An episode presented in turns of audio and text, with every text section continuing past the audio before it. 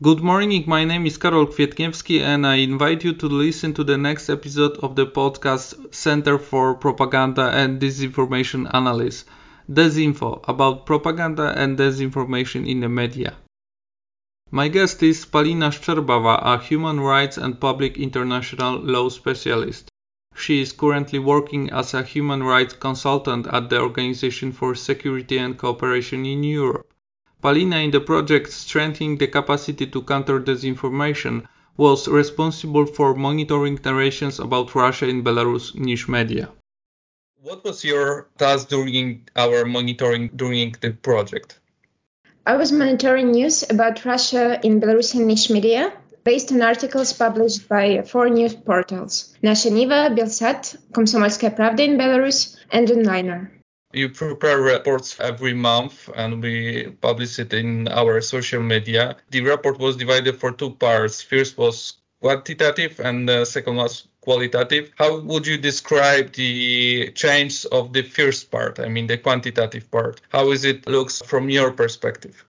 That's right. I have analyzed a total of 3,215 articles between May and December 2021, our monitoring period, the number of articles varied uh, from one month to another, with highest numbers being in December and June. It was uh, between 600 and 700 articles per month. And the lowest numbers uh, being in August and September, just around 300 articles. I have to note that results from October, with only 52 articles, were not representative due to a technical issue that occurred on Pulsar platform. During this time, three out of four news portals were excluded from the monitoring. Similarly, November had one of the lowest numbers of articles overall, since one of the portals was still excluded from the monitoring for the same reason. When it comes to quantitative data, I also have to mention about the tags. When it comes to them, they were representing larger thematic areas for the news. Most frequent thematic areas addressed in the articles was policy, uh, which accounted for almost half of the news.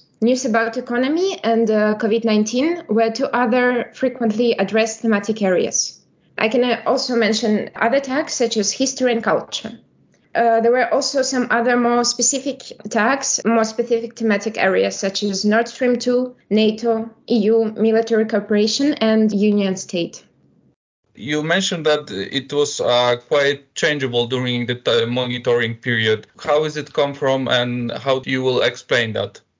Yes, you're right. There were different numbers. I think for some months we can uh, definitely say that it was connected to the crackdown on the Belarusian independent media because some of the news sources that I analyzed, such as Nasha Niva and uh, Belsat, they're so-called opposition media in Belarus. So in July there was a crackdown on them. There were several arrests of the journalists from this media, and of course their work was uh, threatened during these months. They continued operating non-stop during this period, but of course, lesser capacity. Then for some months, there were lots of news not relevant uh, to the analysis, news from the platforms such as Onliner. It definitely varied. I uh, wouldn't say that the number of articles it depended or varied from some kind of internal political situation. It's not the case. But also, you mentioned that we had some technical problems, especially in November. And in November, it was a lot of going on with the migrant crisis, right? Migrant crisis, exactly. The lowest amount of articles was, however, in uh, October, when I was left to monitor only one source, Onliner, that was uh, least relevant when it comes to thematic areas analyzed. But also November, the months where the migrant crisis was full on and the escalation between um, Russia and Ukraine, pre-war escalation. I think that uh, it wasn't the lowest uh, when it comes to overall number of articles in general compared to, as I mentioned, October. But it was is quite low because still one of the portals, Nasha Niva, was one of the uh, major provider of relevant articles. It was still missing from the monitoring. So I think that was the reason. How about the narrative? Could you describe one of the most important in your opinion during your monitoring? Sure, but I have to make a remark that since I was analyzing the niche media, it wasn't 100% pro-state media. The main narrative of those can be divided into two main groups. One group comprises of the rhetoric of the official authorities in Belarus and Russia, which is transmitted by the niche media. Among those, strong anti-Western sentiment narrative, fostering confrontation between the EU and the US on one side and uh, Russia and Belarus on the other, as well as portraying Russia as a closest friend and a staunch ally of Belarus. I would like to especially highlight this narrative about fostering confrontation between the EU and the US because no matter what the subject was being brought, be it economy, politics, or even the coronavirus pandemic, uh, so-called collective West has been constantly opposed to Belarus and Russia. It was portrayed as a non-stop permanent threat to the existence and well-being of the both countries. But I also have to speak about the other group that includes independent analytics forecasts conducted by some of the niche media, as well as the views of opposition politicians that was reflected there. In this case, Russia was oppositely perceived as the main danger to Belarus's independence, and Kremlin was viewed as deliberately pushing Belarus towards new escalations uh, with the EU and the US in order to further increase Belarus' independence from Russia. And on the other hand, they were viewing the EU and the US uh, with their strict sanctions against the regime as the main hope for change in the current oppressive system in Belarus.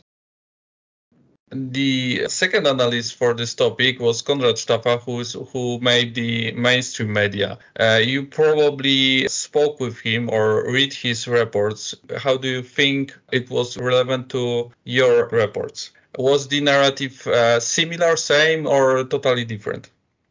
I read his reports, and um, actually, we have the same things uh, said in, in different words, same conclusions or very similar conclusions because even though um, I analyzed niche media, as I said, because of their low capacity for the independent analytics or um, no funding to, you know, pursue some kind of agenda, independent agenda, they were um, like just dubbing reposting the articles from the official sources. And i was since i was focusing especially on propaganda disinformation i was paying attention of course to those official narratives. So in this case i would say that um, our conclusions are very close with Konrad. Probably uh, most of our listeners will have question: How is Russia perceived in the Belarusian niche media? In terms of official propaganda, that is often being transmitted in the niche media. Russia is being portrayed almost exclusively in a positive light. And I'm talking, of course, about the monitoring period because it has not always been like this. If you will say in a percentage, how much will be the positive view of Russia in the media? Like 80, 90, or in the monitoring period, so from May to December 2021, uh, when it comes to official uh, propaganda, it was uh, close to 100% positive. When we talk about some uh, independent views expressed in niche media, it would be rather negative, but then still they were much more overwhelmed by the by the official uh, propaganda.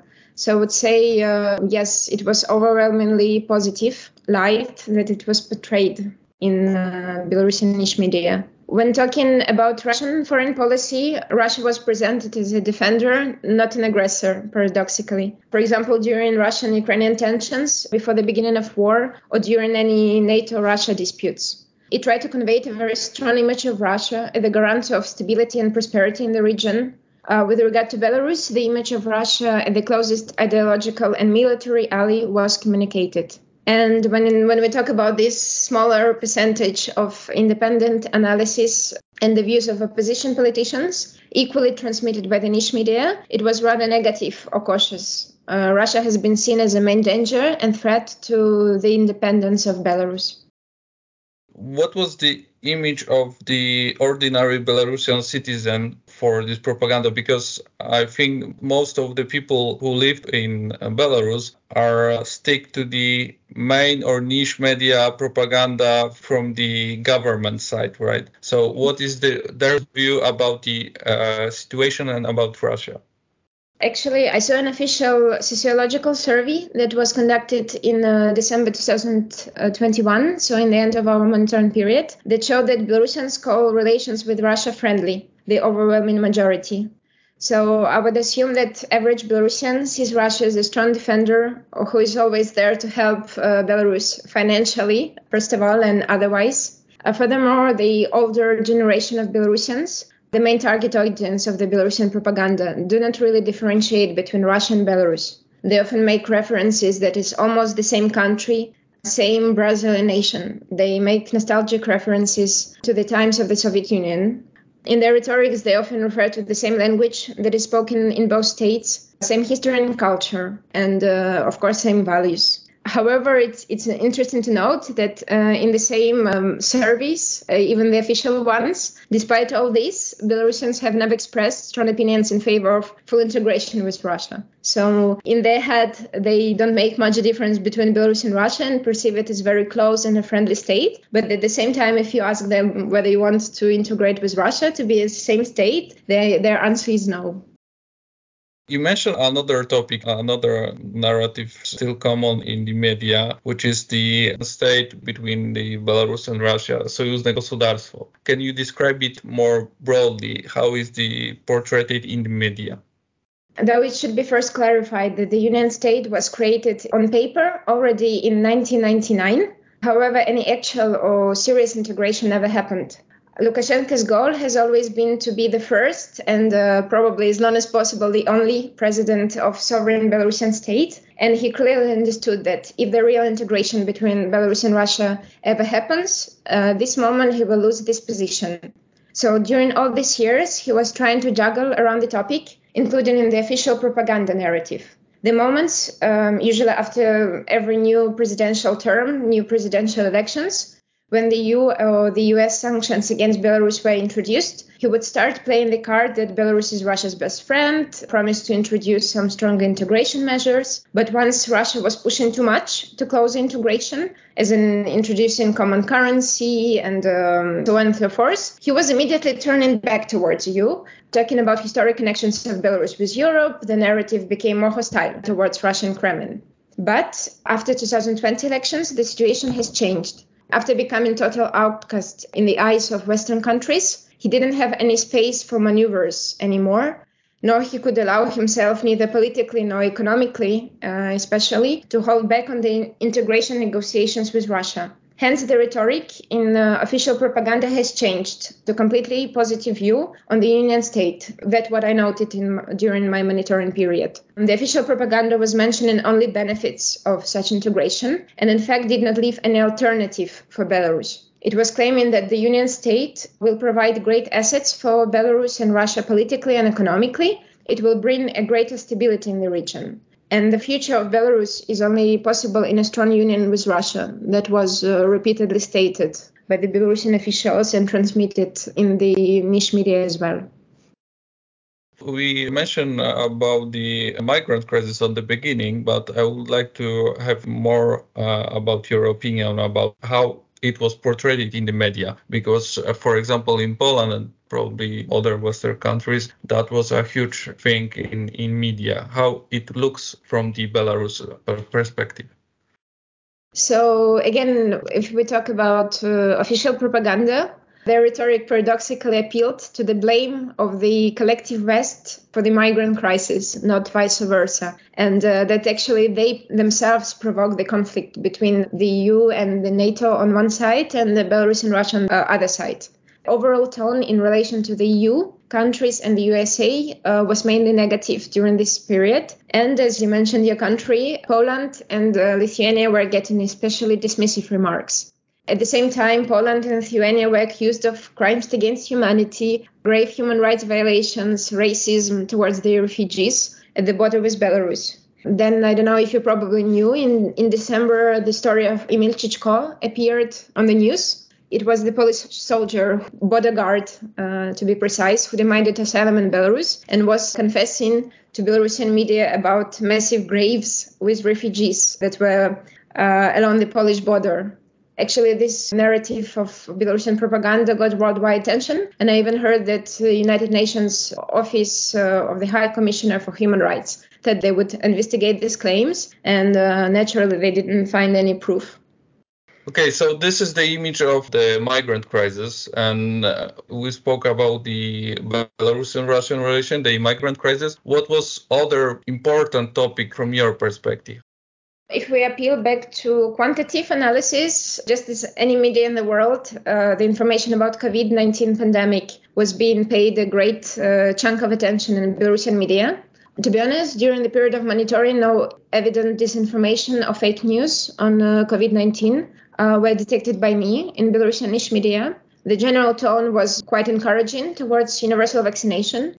Nevertheless, it's worth noting that uh, one-sided approach to the issue of covering existing types of vaccines and different efforts to fight coronavirus was at place. An overwhelming number of articles uh, focused only on Russian vaccines and medical innovations and slightly less on Chinese ones. Vaccines developed in the West received almost no attention, except for a brief period when the Belarusian government discussed uh, purchasing them.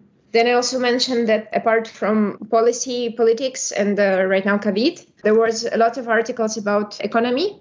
So there were numerous articles about negotiations or issuing of um, new credits to Belarus from Russia, discussions about the sanctions of the EU and US against Belarus and which effect they have on the Belarusian economy, and uh, so on and so forth. The articles about uh, currency exchange rates, the situation, uh, the prices for the products, and um, so on and so forth. During the monitoring, did you have any surprise information? There's something appears which totally surprised you, totally out of box. Can you remember anything like that? totally out of box. I mean, I would say that several like claims during this period by the Belarusian officials, such as that Belarusian intelligence uncovered plots to assassinate Lukashenko that was made by NATO and United States. The number of details that we're actually being able to provide, it was quite surprising how creative they are in their propaganda. And all these plots about the beginning of third war that, of course, NATO is going to unleash. Uh, so I, I would put it there.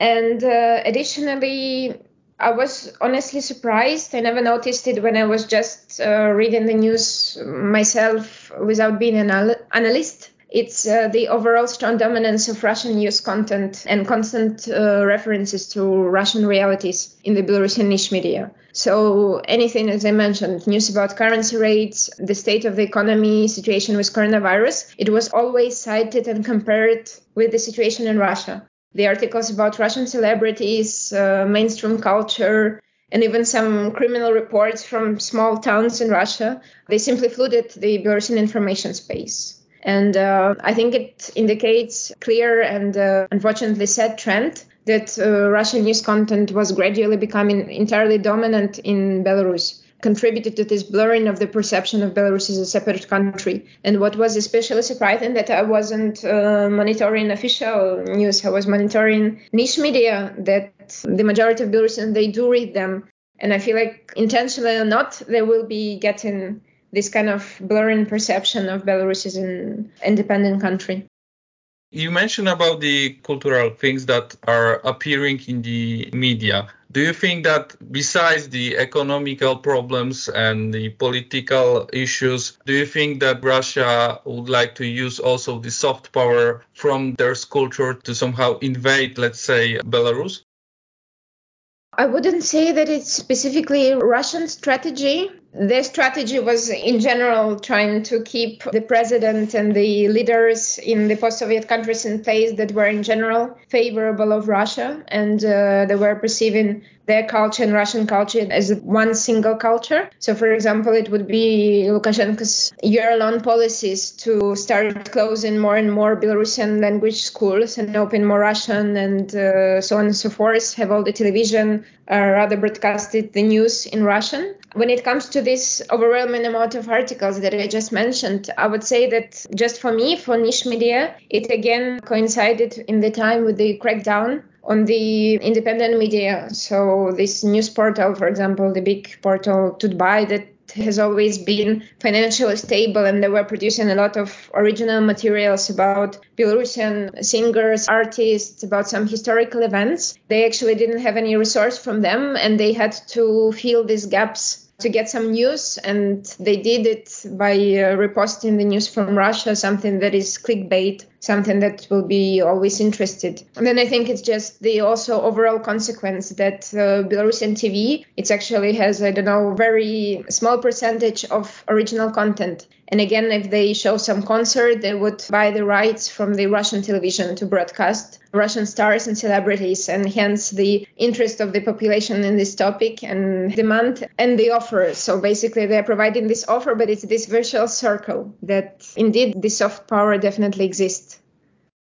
Next one will be, I think, the hardest from my list. I would like to ask you about the mechanism for spreading disinformation and propaganda. What kind of mechanism did you saw during the monitoring?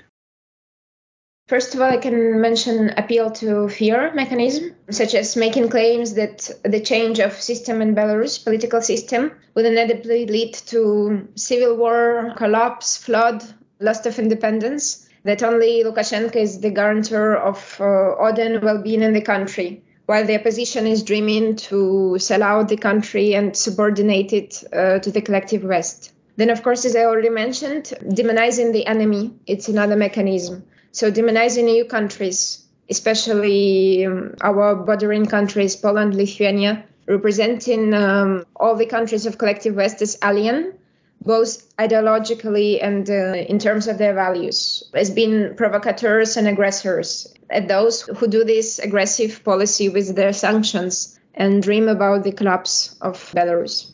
Another mechanism would be false accusations. As I already said, during the EU Belarus migrant crisis, there's false accusations of various human rights violations and even crimes against humanity, as they call them, on the part of Poland and Lithuania uh, when opposed to ignoring the actual situation with human rights in the country. Again, as I mentioned on several occasions, there have been allegations towards the EU and US of planning riot, organizing riot in Belarus, and organizing physical destruction of Lukashenko and his family. Then, of course, exaggerations, the usage of special language, such as hybrid war, economic world war, third world war, end of the war. It's all while describing regular sanctions and sanction policies that EU and US was introducing against Belarus and Russia. Also interesting narrative that is right now and has always been seen also in the Russian media. It's um, transferring feelings and images from the past to new events in the present.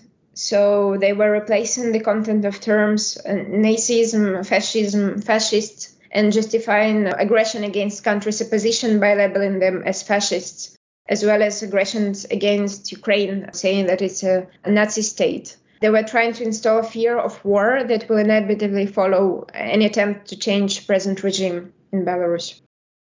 I have additional question for that. I mean, you mentioned Lukashenko, but my question will be who is more important according to niche media, Lukashenko or Putin, or they are in the same level? I mean, uh, it's definitely that Putin is not portrayed by the official propaganda as um, someone especially superior to Lukashenko. Lukashenko has always had this big ego about himself.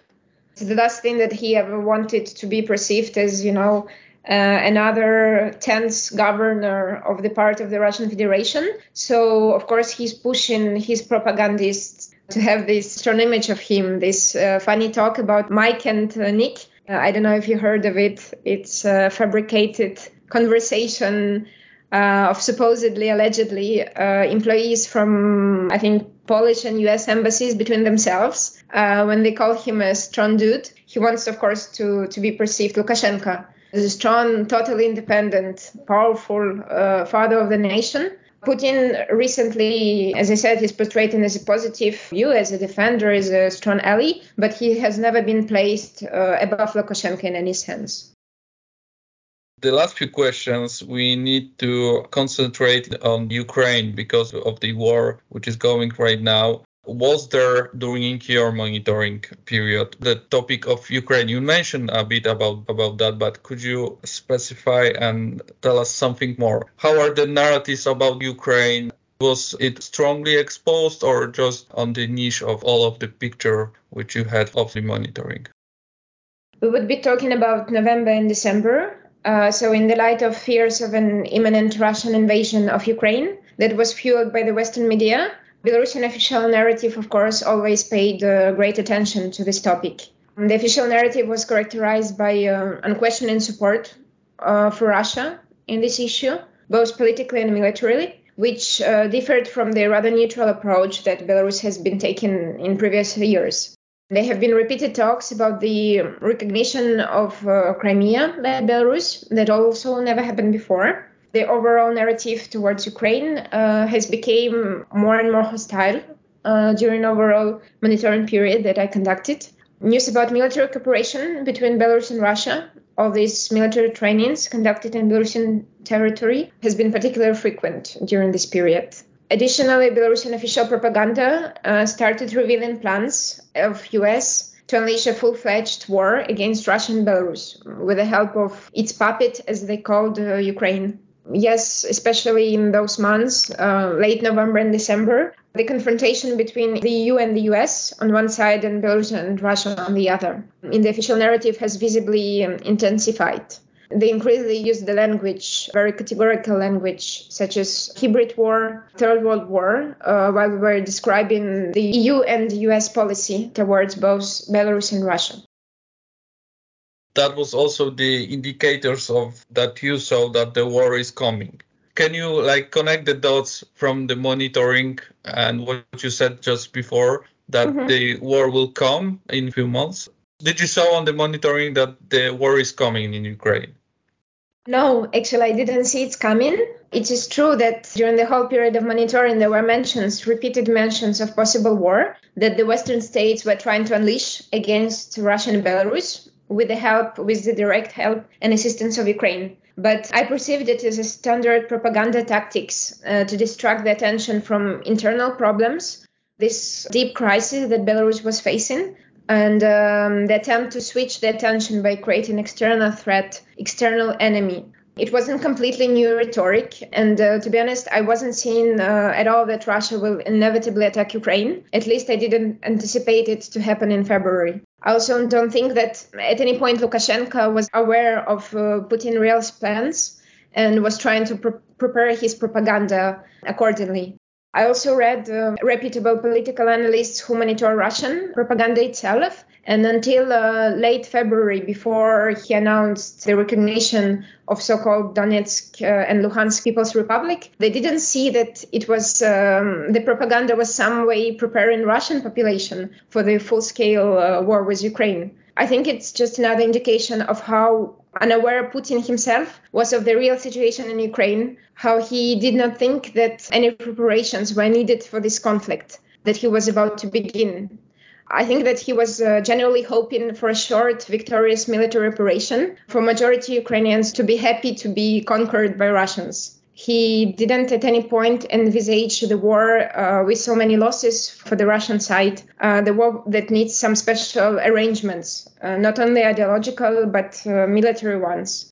We can also see from war analysts who were skeptical about the beginning of the war in Ukraine that Russia would invade Ukraine. They were referring to the fact that Russia was not ready for this uh, full scale operation. There were no military hospitals up until uh, 24 February and further, not enough petrol tankers and provisions that are really necessary for the army that about to start these military operations. But um, history has shown that all of that was not because Putin didn't plan to attack Ukraine, but it was simply because he was honestly hoping for this two, three days military operation, such a blitzkrieg. So yes, to, to again to repeat, I, I didn't see the war coming, despite all the rhetorics. I don't think that Lukashenko or anyone else really saw the war coming. I would say that it was a regular bluff that actually became a reality. Okay, I think lots of uh, Europeans had the same thoughts idea, but generally, uh, when you are seeing retrospective uh, on that period, you can see something will go on on the next few months. My almost last question will be about uh, the media. After the end of our project did you check the media which you had on the monitoring the narrative? Did it change after the war uh, start in ukraine Yes, of course. I still read uh, regularly both Belarusian and Russian news, and uh, I pay attention to the rhetorics um, of the official Minsk, but of course, not necessarily that I did during my work with you. There hasn't been so much change so far in the rhetorics. Uh, Belarusian state propaganda still backs up 100% the Russia's uh, invasion to Ukraine, or as they call it, special operation. Uh, recently, Lukashenko was sharing his paranoid story about alleged plans of Ukraine to attack Belarus from four directions. So he is really precise in his revelations of plans. However, I also noticed recently that there were uh, several attempts to distance himself from the war in Ukraine, at least a little bit, as much as he can. Uh, he repeatedly said that Belarusian army will not be participating in hostilities, that Belarus will never be at war with Ukraine, However, this affirmation costs nothing as long as um, Belarus is de facto, in my opinion, military occupied by Russia. He simply does not have any political maneuver, any free will to take independent decisions on the matter, to change, consequently, to change his rhetoric. So basically, the media right now shows Belarus as an ally, strong ally of Russia. Can you indicate any forecasting for the future narrative about Russia in Belarus? It is extremely hard to say now. I would uh, propose two scenarios that I see possible. In first case, when Russian armed forces remain in the territory of Belarus, I'm very afraid that the narrative will remain either unchanged or it will become even more hostile towards Ukraine and Ukrainians in general and uh, support of the Russia's war there in particular. At the same time, there are some indicators that uh, Russia will not be able to keep its forces for much longer near Kiev. So from the uh, northern direction, and in case it also withdraws or partially withdraws its troops from Belarusian territory, there is a possibility that some space for balancing uh, between sides will appear for Lukashenko he definitely would not be able to distance himself from Russia as much as he did in 2015, for example, and up to 2020. But if the isolation for Belarus from the Western countries will become less strong in exchange of preventing new military offense on Kiev, because right now we hear that, at least on paper, Russian delegations promise to back up from Kiev and the north of Ukraine. The official policy, as well as the narrative of um, Belarusian propaganda, may become less aggressive and hostile. In this case, Minsk, official Minsk, and once again, just was during the early years of war in Donbass, can become such a trading chip in the arms of the US and US so he will be perceived as, I don't know, lesser evil for EU and the US to negotiate with in comparison to Putin. So in order to prevent further escalation on the northern direction in Ukraine. However, there is a slim chance that is for now too early to talk about Putin's desire to actually scale uh, back the operation and sit at the negotiation table. To summarize, I would say that in very short-term perspective, the rhetorics will not change or could become a bit more hostile in order to justify all the atrocities that, that are happening right now in Ukraine. But in a long term period, I feel like Lukashenko deeply himself, he's uh, unhappy about the situation that he appears in, and uh, he feels his threat as well for Belarus and his independence in the military operation of Russia. So if there is this tiny window that I was talking about, if it appears, he will of course try to push back a bit on this uh, hostile rhetorics towards Ukraine uh, specifically and the Western states in general. Palina, that was my last question. Thank you very much for a very interesting conversation. Thank you so much, Carol. It was a great pleasure. This episode was produced with the support of the National Endowment for Democracy. Thank you for listening to this episode and encourage you to read the reports produced as a part of the project. These documents are posted on our website capd.pl as well as on official Facebook and Twitter.